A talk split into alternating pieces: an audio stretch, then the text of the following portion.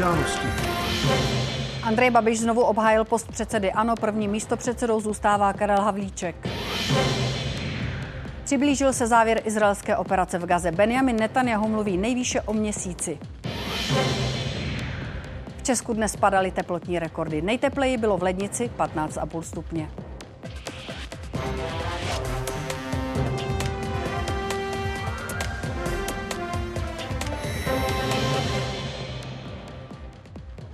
Začaly sobotní události, vítejte. Jsme rádi, že sledujete Českou televizi. Hnutí ANO si zvolilo své vedení. Předsedou bude dál Andrej Babiš. Na celostátním sněmu v Praze ho podpořilo 88 delegátů. Pouze jeden byl proti a devět se jich zdrželo. Ve volbě neměl proti kandidáta.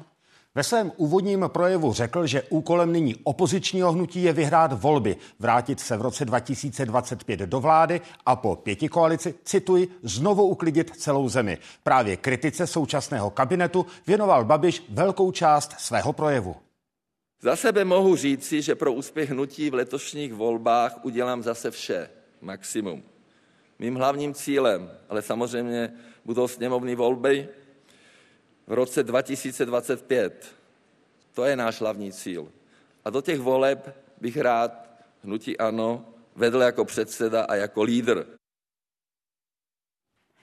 Andrej Babiš získal skoro 90% hlasů, už zmiňovaných 88 z 98 možných. Obhájil tak svůj mandát. Post prvního místo předsedy taky zůstal beze změny. Ve funkci zůstává Karel Havlíček. A hnutí ANO bude mít taky čtyři řadové místo předsedy. Tyto posty zaujmou Alena Šelerová, Radek Vondráček a Richard Brabec. Ten získal vůbec nejvíce hlasů. A ve vedení pak bude nově taky Robert Králíček, který získal 79 hlasů. Nakonec o posty řadového místopředsedy usilovala jen zmíněná čtveřice. Nominace z krajů získali ale i další. Ti se jich však ještě před volbou vzdali. Andrej Babiš na sním ráno přicházel s velkou taškou. Jak velkou získá podporu, ale odhadovat nechtěl. Já jsem zvědav, protože ty procenta mi klesají. Naposledy jsem měl jenom 80. Už před začátkem sněmu ale od řady delegátů zaznívalo, že by se vedení moc měnit nemělo. Já jsem ráda, že pan Andrej Babiš eh, kandiduje znovu na předsedu, že bude předsedou. Prostě pojedeme dál tak, jak je to nastaveno a budeme mít za cíl prostě vyhrát příští volby. Andrej Babiš ve svém zhruba 22-minutovém projevu na celostátním sněmu zejména kritizoval vládu. Hnutí ANO chce do sněmovních voleb vést jako lídr. Přes všechny fauly, překážky a podpásovky, ke kterým se současná vláda neustále uchyluje, jsem přesvědčen, že když budeme tvrdě pracovat a stát při sobě jako dosud, tak nakonec vítězíme a pěti koalici porazíme. Předseda Babiš v projevu připustil, že loni zvažoval svůj konec v politice. Nakonec ho ale delegáti podle očekávání znovu zvolili předsedou. Pane předsedo, gratuluji vám. Premiér Petr Fiala pak v reakci na sněm hnutí ANO zdůraznil, že Andrej Babiš v minulosti tvrdil, že do vedení hnutí znovu kandidovat nebude. Blahopřeji mu a přál bych si, aby se v poslanecké sněmovně choval více jako politik, než jako král chaosu, osobních útoků, polopravd a lží. Neomluvitelné výroky o totalitě a okrádání důchodců nebo strašení volebními podvody vedou k oslabování důvěryhodnosti základních institutů demokracie a právního státu. Karel Havlíček pokračuje jako první místo předseda hnutí. Zdůraznil, že ve sněmovních volbách očekává velký politický souboj. Získal o tři hlasy víc než Babiš. Zvolili jste si práci, zvolili jste si nasazení a zvolili jste si touhu po úspěchu. Podobně jako Andrej Babiše ve volbě předsedy měl i Karel Havlíček nominace na prvního místopředsedu ze všech 14 krajů. Neměl tak proti kandidáta. Výsledky hlasování byly známy vždy během několika minut. Delegáti totiž hlasovali elektronicky. Tady víceméně během 15 vteřin při každé té volbě má možnost zmáčknout jedno z těch tlačítek. Jednička je pro, dvojka je proti a trojka je zdržel se. Jedinou změnou ve vedení je Robert Králíček, který obsadil uvolněný post místo předsedy. Ten loni stejně jako celé hnutí opustil Ivo Vondrák. Jedním z úkolů, který Andrej Babiš zmínil, je komunikovat s Prahou a pokusit se zlepšit výsledky v Praze. Ten mandát mám mnohem silnější, než jsem měla před dvěma roky a to je pro mě prostě další motor do budoucí práce. S hnutím ANO je i po dnešním sněmu připraveno spolupracovat také druhé opoziční hnutí SPD Petr Vašek a Martin Schneider, Česká televize. A hostem události je Andrej Babiš, předseda hnutí Ano. Přeju dobrý večer. Nejvyšší vedení hnutí zůstává téměř beze změny. Jediným novým místopředsedou je teď Robert Králíček. Jste s tímto týmem spokojený? Určitě, já si myslím, že novozvolení zástupci eh, předsednictvu jsou zkušení politici, takže já myslím, že to dopadlo dobře a dobře, že tam má zastoupení Praha i Moravskoslezský kraj. Vy jste, pane předsedo, dnes prohlásil, že vaší prioritou jsou mimo jiné evropské volby, které budou letos v červnu. Zároveň ale připouštíte, že vaši voliči k těmto volbám příliš nechodí. Jak chcete ty váhající přesvědčit, aby přišli? S jakými tématy je oslovíte? No musíme oslovit a přesvědčit, že skutečně největší nebezpečí pro Evropu je ilegální migrace, že v Bruselu se rozhoduje o našem životě často proti našemu přesvědčení, že chceme mít výběr, nechceme zákaz aut se spalovacími motory, nechceme, aby Green Deal ničil naši ekonomiku a stoupla nezaměstnanost, nechceme, aby nám zakazovali kotle na uhlí, na plyn a tak dále. Takže všechny tyhle regulace se nám nelíbí a my chceme změnit kurz Evropy a podílet se na tom v Evropském parlamentu. Už zmiňovaný Robert Králíček má, jak padlo, mimo jiné za úkol zlepšit volební výsledky v Praze. Co musí hnutí ano dělat jinak, aby bylo úspěšné právě i v hlavním městě? Tak Praha, pokud vy má asi 52 obvodů, tak my máme, my máme organizace jenom ve 20, takže musí dobudovat hnutí a zkrátka Praha nevolí moc hnutí, ano, volí pěti koalici, takže musíme přesvědčit tyto voliče, že zkrátka se spletli a že pěti koalice je zradila, protože vlastně neplní vůbec program. Andrej Babiš, předseda hnutí Ano, děkuji moc za rozhovor pro události České televize. Naschledanou. Naschledanou, děkuji. K tématu všechno. Za chvíli se podíváme do Valčtejnské jízdárny, kde brzy končí výstava o Petru Brandlovi. Zájem je poslední dny velký. Konec izraelské operace proti teroristickým základnám v Gaze se přiblížil. Premiér Benjamin Netanyahu podle 12. televizního kanálu řekl válečnému kabinetu, že Izraeli zbývá na nejvýš měsíc. Kvůli narůstajícímu tlaku, zvláště Spojených států, by chystaný nápor na jich Gazy měl skončit před postním měsícem Ramadánem. Ten letos začíná 10. března. Náčelník generálního štábu izraelské armády ale prý odmítá spustit invazi do Rafahu, dokud nebude jasné, co se stane s více než milionem palestinských civilistů v této oblasti. A také dokud izraelská diplomacie nepředjedná s Egyptem svou plánovanou operaci, protože Rafah leží přímo na hranici. Konflikt mezi Izraelem a Hamásem stále víc promlouvá i do americké prezidentské kampaně. Bílý dům posílá poradce do arabských komunit v klíčových státech, jako je třeba Michigan. Bezpečnostní představitelé americké vlády tam přiznávají chyby prezidenta Bidena v prvotním postupu a slibují změny v politice vůči Izraeli, jen aby udrželi podporu muslimských a levicových voličů v listopadových volbách. Patří k mladým demokratickým voličům, o které prezident Biden přichází. Dony je američanka z kořeny z Pardubicka. Jako prvovolička mu na podzim hlas nedá. Kvůli jeho pomoci státu Izrael podpoří nezávislého kandidáta. Nebylo to prostě tak, že teroristická organizace zautočila na nevinnou zemi, jak se to hodně prezentovalo. Doufám, že nebude potřeba hlasovat pro Bidena a nevyhraje Trump. Stojí hned naproti rodinného domu amerického ministra zahraničí. Aktivisté tam stanují už 14 dní. Na manžele Blinknovi tu nonstop pokřikují a kdykoliv vyjedou z domu, tak vylévají červenou barvu. Válečný zločinec, válečný zločinec. Lijeme to na Blinkena, abychom mu připomněli, že prolévá krev. Ne každý projíždějící s tím ale souhlasí. Zavraždili naše děti. Přesto byli to muslimští američané, kdo před čtyřmi lety dopomohli Bidenovi k vítězství. I proto Bílý dům přitvrzuje vůči Izraeli. Způsob, jakým odpověděli v pásmu Gazy, tak to bylo přes čáru. Pro prezidenta Bidena je ovšem varovným signálem to, že mu podle průzkumu klesá podpora u jedné z klíčových skupin, a sice hispánských voličů. Cítí to i vůbec první kongresmen portorického původu zvolený na Floridě. Latinoameričany podle něj zajímají výsledky, ne sliby. Jako hispánec vám řeknu, že jsme nestálí voliči. Jsem nadšený, že mohu pracovat s prezidentem Bidenem, aby hispánci věděli, jak jsme jim zlepšili život po celé zemi. Značný odliv Biden zaznamenal i u černožských Američanů. Příští měsíce ukáží, jestli uspěje jeho předvolební ofenzíva na opětovné získání mladých, progresivních, černožských i hispánských voličů. Z Virginie a Floridy Bohumil Vostal, Česká televize. Návrh Nervu na zavedení výpovědi bez udání důvodu za cenu zvýšení odstupného nemá podporu vládní koalice. Zjistila to Česká televize.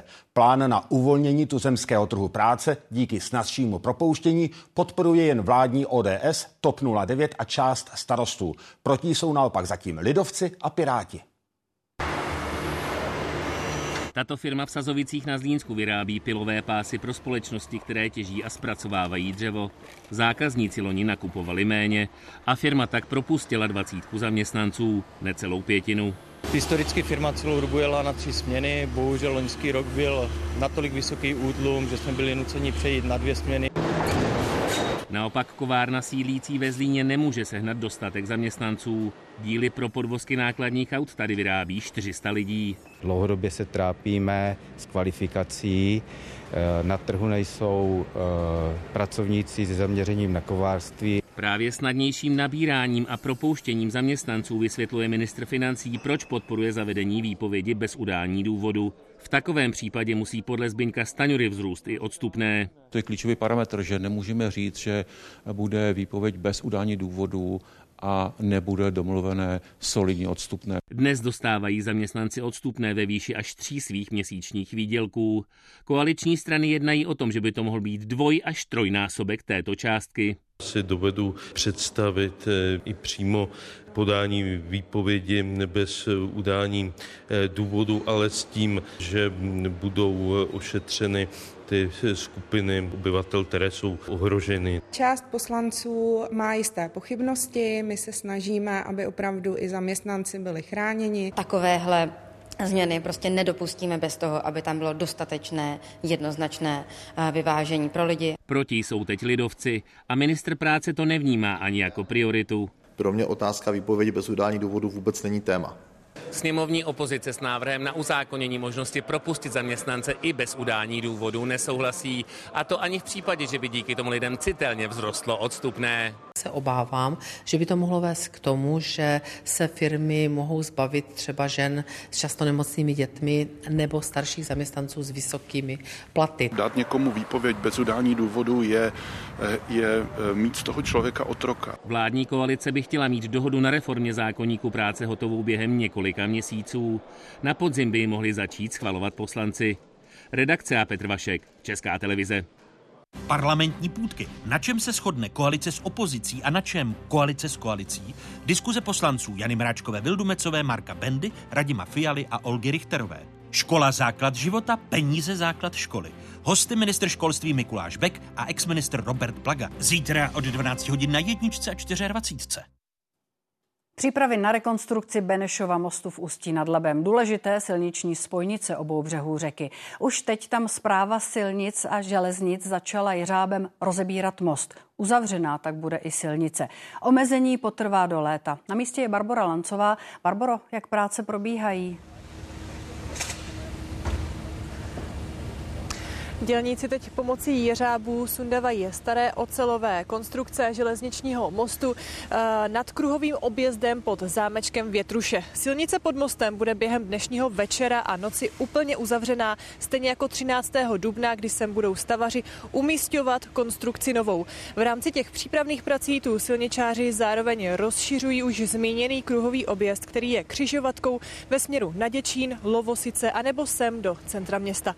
Most doktora Edvarda Eduarda Beneše je jedním ze dvou silničních mostů v Ústí nad Labem. Spojuje Střekov se středem města.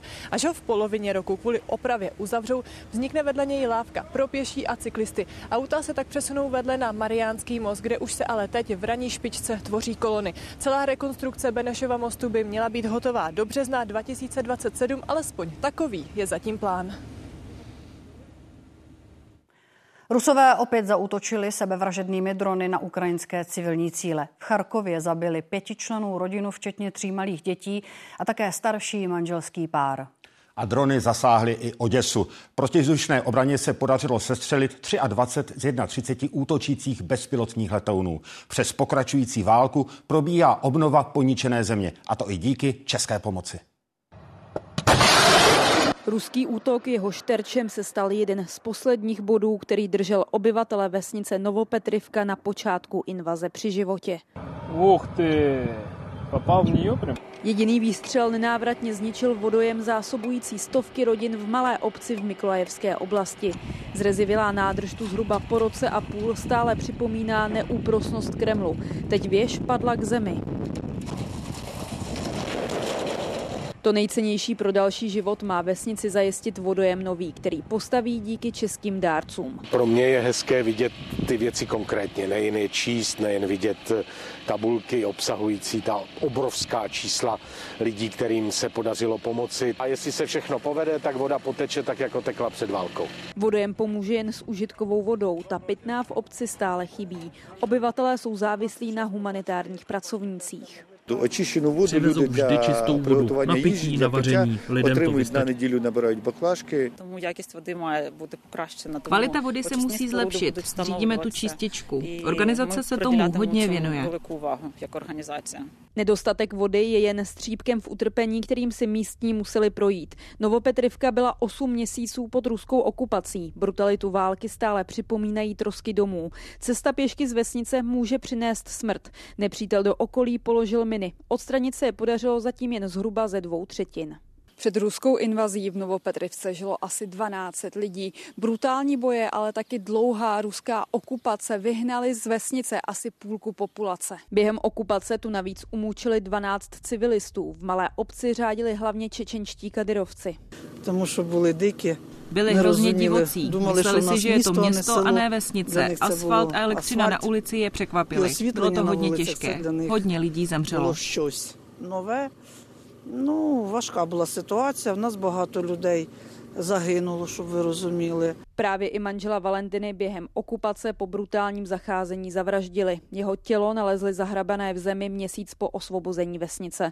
Navzdory bolestné minulosti a dvou letech ruské agrese Valentina stále věří, že se opět vrátí do jejího domova mír, stejně jako zoufale chybějící voda.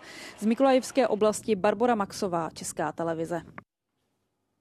Zákaz vstupu do pivnické rokle u toulovcových maštalí na Chrudimsku. V chráněném území došlo po posledních změnách počasí k uvolnění pískovcových skal a sesuvům půdy. Místa, kterými ročně projde na 10 tisíc turistů, zatrasily i popadané stromy. Lokalita zůstane nepřístupná, dokud její stav neposoudí geologové.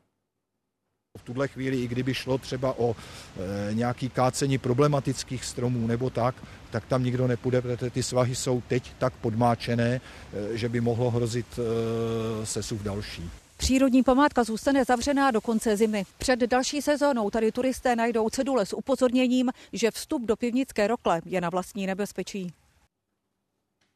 České Budějovice chtějí zrušit podchod pod silnicí u nedávno zrekonstruovaného nádraží. Město tunel před třemi lety zavřelo, byl často znečištěný a zatékalo tam. Narušená je i statika stropů. Podle radnice je zabetonování podchodu lepší variantou, než ho opravit za 80 milionů korun. Nepořádek, zápach a odpadky rozházené na zemi. Tak vypadal podchod u Budějovického nádraží v roce 2021. Ženy se tu bály. Já mám strach z těch lidí, co tu potkávám teda ty lidi se tu schovávají. Stahovali se sem lidé bezdomova a narkomani. Podchod je i proto uzamčený. Dlouho tu nikdo nebyl. Tady je prostě, jak se zatýká, že jo?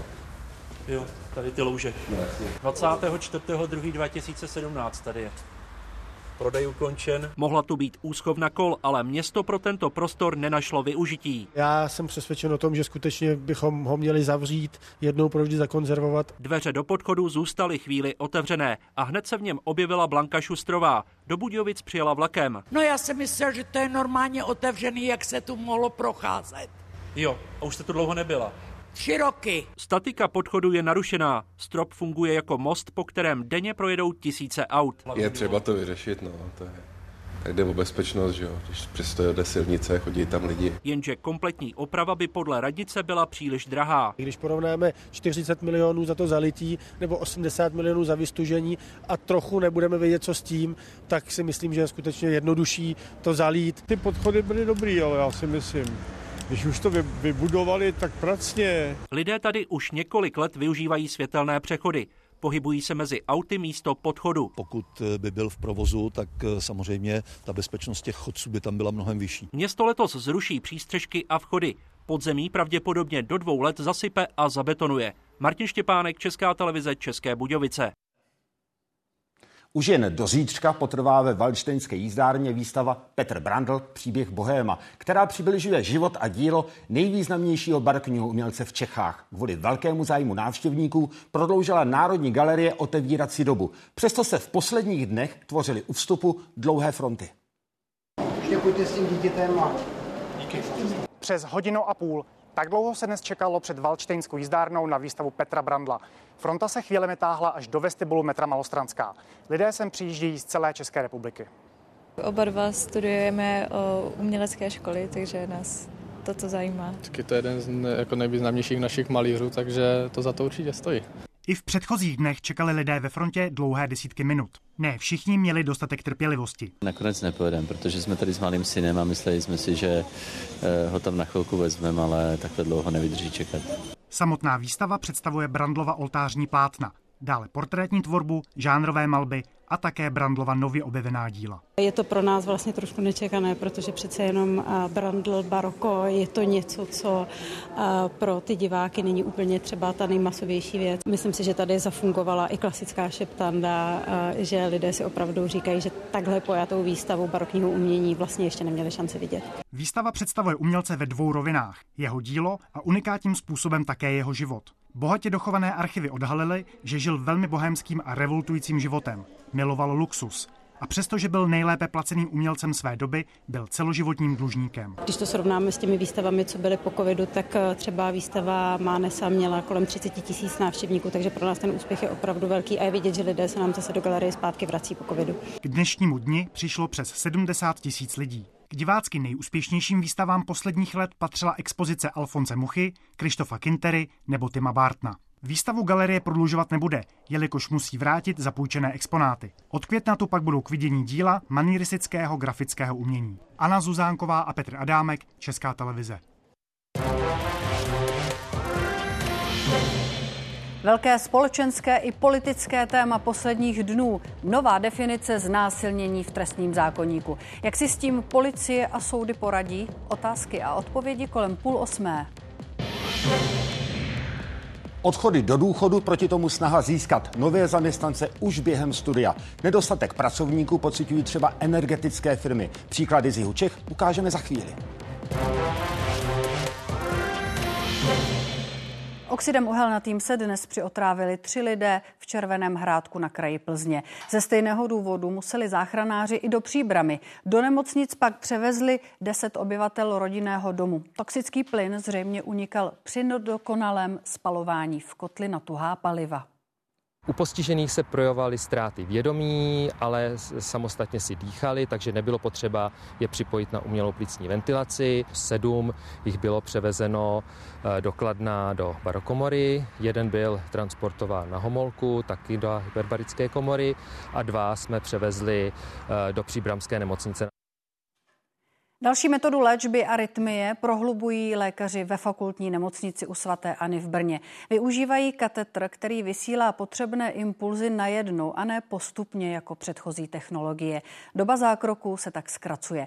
Lidi s arytmií postupně se stárnutím populace přibývají. Když srdce bije nepravidelně, arytmie, Pavel Nechvátalý trpí už pět let. Na začátku se objevila maximálně dvakrát do roka. Loni se ale frekvence zvýšila. Vždycky to odezní po, po asi 14 dnech a tentokrát už to mám asi dva, tři měsíce. Jsou samozřejmě unavený, když vyběhnu do schodu, tak jsem hned udejchaný. Proto Pavel Nechvátal podstoupil takzvanou ablaci, odstranění arytmie novým přístrojem, který fakultní nemocnice u svatéAny využívá. Vypadá jako košík a při rozevření jako květina. Pozice basketu, konečná pozice, pozice květinky, tu lékař nejprve musí dopravit na potřebné místo přes tříslo. Teď jsme v podstatě nachystání, aby jsme mohli do pacienta zavést uh, ten ablační katetr. Zavedeme k ústí žíly, přitlačíme šítem. Pacient je v tuto chvíli kompletně pod anestezií. Dřív takový zákrok zabral hodinu a půl až dvě hodiny. S novou technologií je to zhruba polovina času. Zákrok sledovali i odborníci z jiných nemocnic díky přenosu přímo ze sálu. Od původní technologie se tato liší. Díky tvaru koše a květiny působí hned na několika místech současně. Předchozí katetr musel jednotlivé body vypálit postupně. Způsobí poškození buněk jiným způsobem, nikoli termálně, to vlastně jakoby spálí, ale ty buňky zahynou, umřou, nicméně se ta tkáň nepoškodí tolik jako to radiofrekvencí, takže je tam menší riziko komplikací. Rychlejší, bezpečnější a účinnější. A lékaři jich zvládnou víc a pomůžou tak více lidem jako Pavlu Nechvátalovi. Jen loni jich novým katetrem operovali 65. Veronika Červinková, Česká televize, Brno. Dva lidé nepřežili pokus o nouzové přistání soukromého letadla na dálnici na Floridě. Třem se podařilo vyváznout. Krátce před nehodou pilot dispečerům hlásil, že přestali fungovat oba motory. Podle svědkyně stroj při klesání odtrhl střechu nákladního vozu, pak několik metrů klouzal po vozovce, až narazil do betonové stěny a začal hořet. Na třetině dlouhodobě měřících stanic padly rekordy pro 10. únor. Nejtepleji bylo na Břeclavsku, kde se teplota přiblížila 16 stupňům. Příroda je napřed a někteří lidé tak už mění lyže za kola a kolečkové brusle. Jaro v únoru láká k procházkám, posezení s přáteli nebo k cyklistice. U vody v Jihomoravské strážnici bylo živo. To teplo běžné není absolutně, přirovnal bych to tak začátek eh, dubna tady u nás. Dívali jsme se na předpověď, eh, takže počítali jsme, že bude takové počasí, tak jsme to využili. Někteří sem přijeli i vlakem. Teploměr tady ve dvě hodiny odpoledne ukazuje 15 stupňů Celzia. Hezký den, hezký den, nádhera. Ryze jarní počasí dnes vládlo i tady v Ostravici, na úpatí Beskidské Lisé hory. Vrchol nad námi přitom pokrývají zledovatělé plotny a až 70 cm mokrého sněhu. Mimořádný nápor zažila i Pražská zoo. Už ve dvě odpoledne dorazilo do zoo přes 6,5 tisíce lidí. To je trojnásobek oproti běžné návštěvnosti během únorových sobot. Vedle počasí ale návštěvníky lákala i tato malá gorila. Je už sedmým mládětem, které se tu narodilo. A jen to Matka Duny o ní pečuje vzorně i před publikem. To mládě začala zvedat nad hlavu a vozit na zádech, takže to je zase úplně jiný pohled do té expozice. Toto je druhá strana únorového tepla. V Bedřichově měli tisíce běžkařů závodit na jízerské padesátce. Sněhu je ale málo. Dušan Jalový to s přáteli vyřešil po svém. Nám bude 50 letos, takže si to dáme jako dárek a bohužel nám to zrušili, takže jsme vytáhli kola a jedeme na kolech. No. Biatlonový šampionát na Vysočině pokračuje i při devíti stupních. Takové podmínky komplikují závody i fandění. Kvůli podmáčenému podloží organizátoři ke vstupům do arény nasypali dřevěnou štěpku, aby lidé nemuseli chodit bahnem. Teploty kolem 10 stupňů ještě můžou v nejbližších dnech vydržet. Teplé počasí si pochvalují i tady v Petrově. Na dnešek připadá tradiční fašank. Kdyby ho uspořádali o týden později, už by byl pravděpodobně v dešti. Krajské redakce a Šimon Švub, Česká televize. Poslanci se v týdnu shodli na tom, jak nově definovat trestný čin znásilnění. Hlavní princip je, že ne znamená ne. Trestná by tak měla být soulož, se kterou oběť nesouhlasí a vyjádří to jakýmkoliv způsobem. Novela by měla pokrývat i případy takzvaného zamrznutí, tedy stavu, kdy člověk nedokáže dát najevo svůj odpor. Zadržení muže, který měl na začátku února donutit mladou ženu k sexu tím, že jí vyhrožoval, že jí jinak ublíží. Policie ho proto obvinila ze znásilnění. Popis skutku totiž odpovídá popisu v trestním zákonníku. Ten teď pracuje s tím, že o znásilnění jde tehdy, pokud pachatel použil násilí nebo jim oběti hrozil. Tahle definice by se ale měla od příštího roku změnit. Nově by znásilněním měla být soulož, s níž oběť dala najevo nesouhlas, třeba slovy, gestem nebo výrazem ve tváři. Prokázat to před soudem bude složité. Podle odborníků půjde obvykle o tvrzení proti tvrzení, což je ale pro tento trestný čin typické i teď. Těžiště bude ve výpovědích i nadále těchto dvou osob. Určitě ve znaleckých zkoumáních těchto osob, stejně tak, jako tam patří i výslech blízkých osob, neboť velmi často, dříve než dojde vlastně i k oznámení, tak například ten pachatel nebo ten poškozený o tom i jak si komunikují s někým blízkým, nejenom eh, elektronicky, ale i live. Pokud návrh parlament schválí, přibude v zákoně taky definice bezbranosti. Ta by měla pokrývat případy, kdy oběť nesouhlasná je vodát nedokázala, třeba kvůli leknutí, stresu nebo vlivu alkoholu. Podle místo předsedy Vrchního soudu v Praze, ale justice takové případy trestá už teď. Se postihuje i jednání eh, pachatelů, eh, který zneužil třeba opilost poškozené, zneužil skutečnosti, že poškozená je rozespalá, poškozená si zaměnila pachatele se svým manželem a podobně. To zamrznutí se postihovalo eh, v některých případech. Samozřejmě pro policii je lepší, eh, pro orgány činné v trestním řízení je lepší, když je to eh, ta definice té bezbranosti upravená přímo v trestním zákonníku. Znásilnění řada obětí podle průzkumů nenahlašuje. Že by se to po přijetí nové definice změnilo, odborníci neočekávají. A to ani v případě falešných oznámení není. Ta právní úprava, i ta nová, novelizovaná, nezavdává žádnou příčinu k tomu, aby ke zvýšení těchto křivých, falešných obvinění eh, docházelo v nějaké zvýšené míře, než je, tomu dos, než je tomu dosud. Jedním z důvodů, proč se oběti často na policii neobrátí, je náročnost trestního řízení. Popisovat traumatický zážitek musí i několikrát a tak to zůstane i po přijetí redefinice. Poškozená ví, že bude vypovídat v přípravném řízení, později před znalcem, později u hlavního líčení, někdy i v odvolacím řízení. Pokud by se nám podařilo v procesních předpisech zjednodušit tuto právní úpravu, tak si myslím, že by to eh, vedlo mm, eh, mnoho poškozených k tomu, že by častěji a dobrovolně oznamovali tu trestnou činnost. Změnit tento postup by mohl nový trestní řád. Ministerstvo spravedlnosti na něm pracuje od roku 2014. Kdy bude finální verze, zatím rezort neoznámil. Johana Šulcová, Česká televize.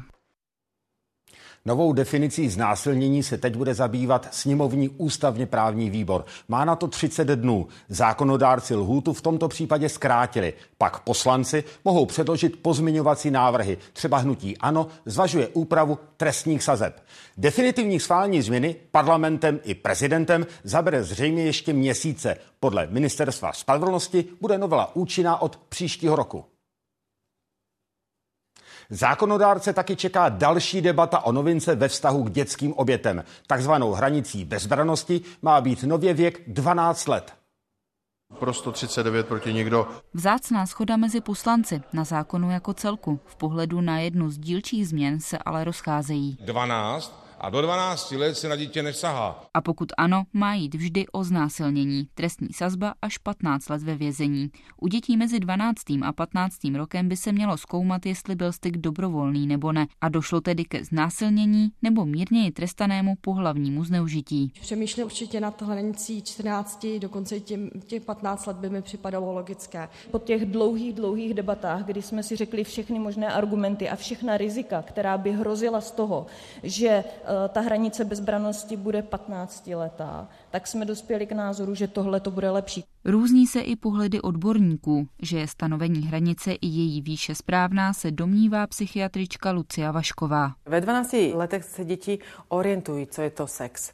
Ale uh, v rámci ty interakce s dospělou osobou jsou prostě křehké a musíme je chránit, protože oni nemají na to osobnostně, na to prostě říct ne. Podobně to vnímá i ředitelka dětského krizového centra. Zkušenost tam mají už s předškolními dětmi zneužívanými v rodinách. Tuhle úpravu velmi vítám a považuji ji opravdu jako za hodně důležitou.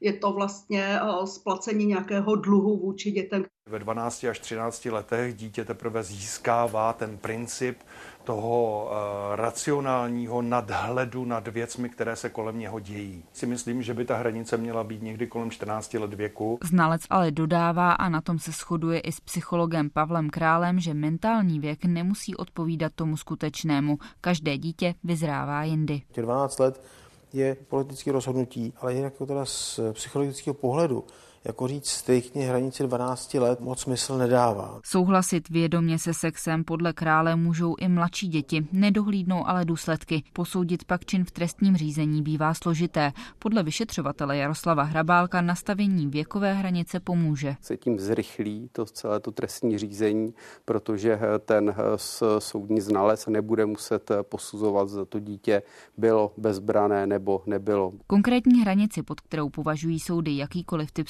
soulože bez ohledu na souhlas oběti vždy za znásilnění, mají nastavené i další země Evropy, třeba Dánsko, Finsko nebo Malta.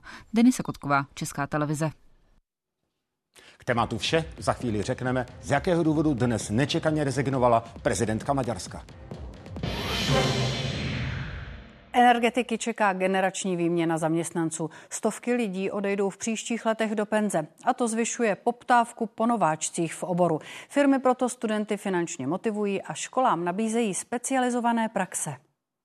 Tyhle pomůcky na to protože je to práce pod napětím, čelbou a šít. Bezpečnost je pro něj na prvním místě, ale na začátku kariéry zažil, když energetici lezli na stožár jen s opaskem. Poškozenému místu se musí dostat po lávce. Tak jsem lezl 27, 30 metrů, 40 metrů do vzduchu. Nevadilo vám? Nevadilo mi to. Teď je Karel Dobrovský ve věku, kdy může přemýšlet o penzi. Obecně energetika prochází generační výměnou a nám budou v následujících pěti letech odcházet zhruba dvě stovky našich kolegů do zasloužilého důchodu. Kolik máte do penze vy? Rok a dva měsíce. Se těšíte? No. Firma teď dělá maximum pro to, aby penzisty dokázala nahradit. Nové síly potřebuje do terénu. V další škole proto nabídne jedné třídě stipendia. Pokud budou mít dobré výsledky, tak to můžou být až 3000 korun měsíčně. Elektrotechnika, energetika je dneska ve všech oborech prostě a je to obor budoucnosti. Ani montéři už nezjišťují závady jako kdysi. Lítají s dronama, používají termovizi a nové moderní měřící přístroje. Karel Dobrovský se jde podívat do školy, kterou v 70 letech absolvoval. No tak tady moc se toho nezměnilo. Pár, pár budov tady, že se jako jsou novější všechno, ale já si pamatuju také ty budovy. Musím říct, že opravdu budovy jsou pořád stejné, jsou zateplené, jsou jinak no. to, ale jinak, co se změnilo, je to vybavení. Právě to studenti k výuce potřebují. Jmenovitě se hlásí k tomu, že chtějí zůstat v oboru. Jakub Rébl. I proto si je berou firmy na praxi, kde si vyzkoušejí nové technologie. Martin Donát, Česká televize Jižní Čechy. Povolební chaos i násilné střety. Pákistán volil parlament. Za vítěze se prohlásili oba hlavní rivalové, expremiéři Nawaz Sharif i vězněný Imran Khan. Jeho strana nemohla do voleb nasadit své kandidáty a protestuje proti průběhu hlasování. A armáda stojí na straně Naváze Šarífa. Sčítání stále pokračuje, na mnoha místech panují obavy z volebních podvodů. Příznivci vězněného expremiéra a někdejší kriketové superstar Imrana Chána vyšli do ulic protestovat proti průběhu voleb. Severně od metropole Islamábádu propukly střety s bezpečnostními složkami.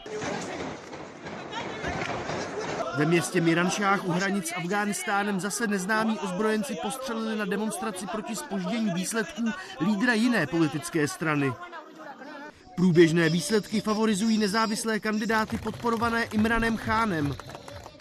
Vyzývám všechny instituce, aby respektovali a přijali tento mandát od veřejnosti. Jenže na sestavení vlády se chystá další těžká váha a veterán pákistánské politiky, muslimský konzervativec Nawaz Sharif. Má za sebou páteř pákistánské moci, armádu. Vzhledem k důvěře, kterou jsme dostali, je nutné jednat, sestavit vládu a vyvést Pákistán z těchto. Podpora generálů by se mohla ukázat jako klíčová. Na vázi Šarífovi, kterého kdysi od moci sami odstavili, nedávno umožnili navrátit se z exilu a zbavit se trestu za korupci. Naopak charismatický Imran Khan skončil za vyzrazení státního tajemství na 10 let za mřížemi. Došlo k určitému zlepšení. My nicméně i nadále vyzýváme zemi, aby v tomto ohledu dělala více. 230 milionová jaderná mocnost se potýká s nárůstem násilí. Dvojice explozí zabila den před volbami 28 lidí. Útoků strmě přibývá od nástupu Talibanu v sousedním Afghánistánu. Před měsícem se prudce zhoršily vztahy s Iránem, který na pákistánské území odpálil rakety proti údajným teroristům. Napětí pozorně sleduje další soused, Čína, která je odhodlaná ochránit miliardové investice v Pákistánu, především podporou armády, byť to je proti přání většiny Pákistánců. Oliver Ján, Česká televize. Ve věku 100 let zemřel první rektor Sleské univerzity v Opavě Martin Černohorský. Svou vědeckou kariéru zasvětil matematice a fyzice. Zabýval se především vlastnostmi kovů. V 90. letech se zasadil o vznik univerzity a významně ovlivnil první roky její existence. Stál u vzniku České konference rektorů. Neustále přibývá mladých lidí, kteří pobírají invalidní důchod kvůli duševní chorobě. Loních pobíralo dávku už 1300 ve věku do 19 let. Stále častěji kvůli úzkostným poruchám i těžkým depresím. Podle specialistů může být důvodem například špatná dostupnost včasné péče. Ve 24 měla Lucie poporodní deprese, jenže se bála, že jí okolí odsoudí a pomoc vyhledala pozdě. Ve fázi, kdy jako jsem nebyla schopná dokonce stát jako z postele, prostě jsem furt brečela. Momentálně se léčí s bipolární poruchou. Zároveň získala první stupeň invalidity. Po opakovaných hospitalizacích zažádal o invalidní důchod i Vít Ketner, který má teď druhý stupeň. Na gymnáziu se začala rozvíjet deprese, táhlo se to se mnou přes vysokou školu a vlastně se to rozvinulo vlastně ta neléčená deprese v úzkosti až vlastně v psychotický stavy. Bych doporučila všem, kdo pocitují nějaké takovéhle problémy, tak to řešit. Pak eh, by se to mohlo dostat do horší fáze, což v mém případě bohužel byly jako sebevražední sklony. Její slova potvrzují odborníci. Ti sledují nárůst mladistvých v invalidním důchodu i ve třetím stupni. Pokud ta intervence přijde včas a přijde komplexně, odborně, tak to riziko, že to onemocnění bude mít chronický průběh až s tou invaliditou, to riziko se významně snižuje. V Centru duševního zdraví v Brandýse pomáhají odborníci lidem s návratem do práce i do školy, a to už od 16 let. Obrátit se na ně mohou i sami zaměstnavatelé. Podle Terezy Havrdové je klíčová motivace, což je základ metody, která se jí za 13 let osvědčila. Jakmile klient přijde, že má zájem o práci, chce pracovat, ví, čemu by se věnoval rád, anebo to s námi nějakým způsobem se snaží zmapovat, tak je velká šance, že se nám zadaří najít zaměstnání, kterého bude bavit. To se podařilo Vítu Ketnerovi, který pracuje jako IT specialista v organizaci Revenium. Lucie jako vystudovaná ekonomka uplatnění hledá. Lea Srovcová, Česká televize. Odpovídat správně na otázky z mnoha oborů se po celý den snaží soutěžící v brněnském Bobby centru. Podle organizátorů jde o největší jednodenní kvízový šampionát v Česku. Do sálu se právě teď díváme živě. Soupeří přes 90 týmů, to je zhruba 700 hráčů. Témata zahrnují přírodní i společenské vědy, stejně jako aktuální dění, sport a kulturu. Češi jsou hraví. Češi jsou hraví a hrozně rádi uh, si zajdou na pivo. A pokud tohle to spojíme tak máme obrovitánskou základnu fanoušku. Šestá otázka, začneme ve vesmíru. Jak se nazývá hranice, za kterou už z černé díry neunikne žádné světlo? Jste složili ten tým podle jakého třeba kritéria? A poskladali jsme to tak, že jsme tam viac menej absolventi masární z různých oborů. Maďarská prezidentka Katalin Nováková rezignovala na svou funkci. Detaily o překvapivé demisi má náš bratislavský zpravodaj Jan Šelhan. Proč 46-letá politička odchází předčasně ani ne v polovině svého mandátu? Jde o reakci na kontroverzní udělení milosti. Zhruba před týdnem totiž přinesla maďarská média informaci, že prezidentka omilostnila loni v dubnu bývalého zástupce ředitele dětského domova ve městě Byčké, který kryl sexuální delikty svého nadřízeného. Dětský domov vedl János, Jánoš Vášár Herej, který mezi lety 2004 až 2016 sexuálně napadl minimálně 10 chlapců a za to šel za, na 10 let do vězení. Do vězení ale následně šel i jeho zástupce a to za to, že se snažil děti nabádat k tomu, aby svá obvinění ní stáhla. Eh, každopádně, eh, proč prezidentka udělila právě tomuto muži milost, dosud jednoznačně nevysvětlila. Eh, nicméně její úřad dos, dosavadně převezme předseda parlamentu minimálně do té doby, než poslanci zvolí nové, novou hlavu státu, což bude pravděpodobně během března. Prezidentka ale celý minulý týden čelila enormnímu tlaku na základě rozhodnutí a na protest opustilo její poradní sbor několik osobností. No a konaly se také četné veřejné protesty. Není hodna prezidentství nebo nulová tolerance pro zneužívání. S těmito transparenty vyšli Maďaři v posledních dnech do ulic. Tisíce lidí pobouřila milost pro muže odsouzeného za krytí sexuálního zneužívání mladých chlapců svým nadřízeným v dětském domově. Je to velmi špatná zpráva pro budoucí oběti. Doufám, že v následujících dnech uvidíme změny, které tento problém napraví. Maďarská prezidentka se hájila, že pravý důvod milosti nemůže zveřejnit. Jsem zhnusena zneužíváním dětí. Vnímám to jako jeden z nejodpornějších a nejtěžších zločinů. Dnes už v projevu uznala chybu a oznámila rezignaci.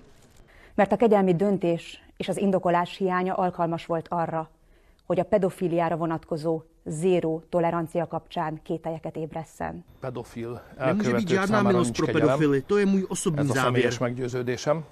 Právě postoj šéfa vládní strany Fides, jejíž je Nováková dlouholetou členkou, nejspíš vedl k její rezignaci.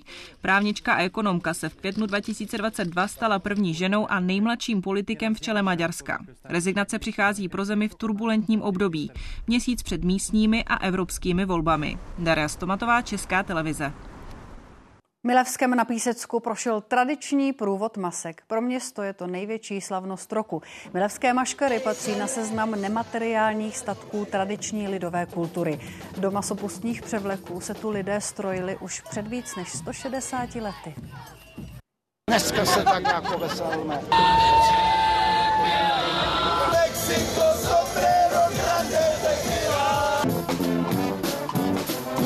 Do průvodu se letos registrovalo 723 masek. Nápaditost při jejich tvorbě nemá žádné hranice.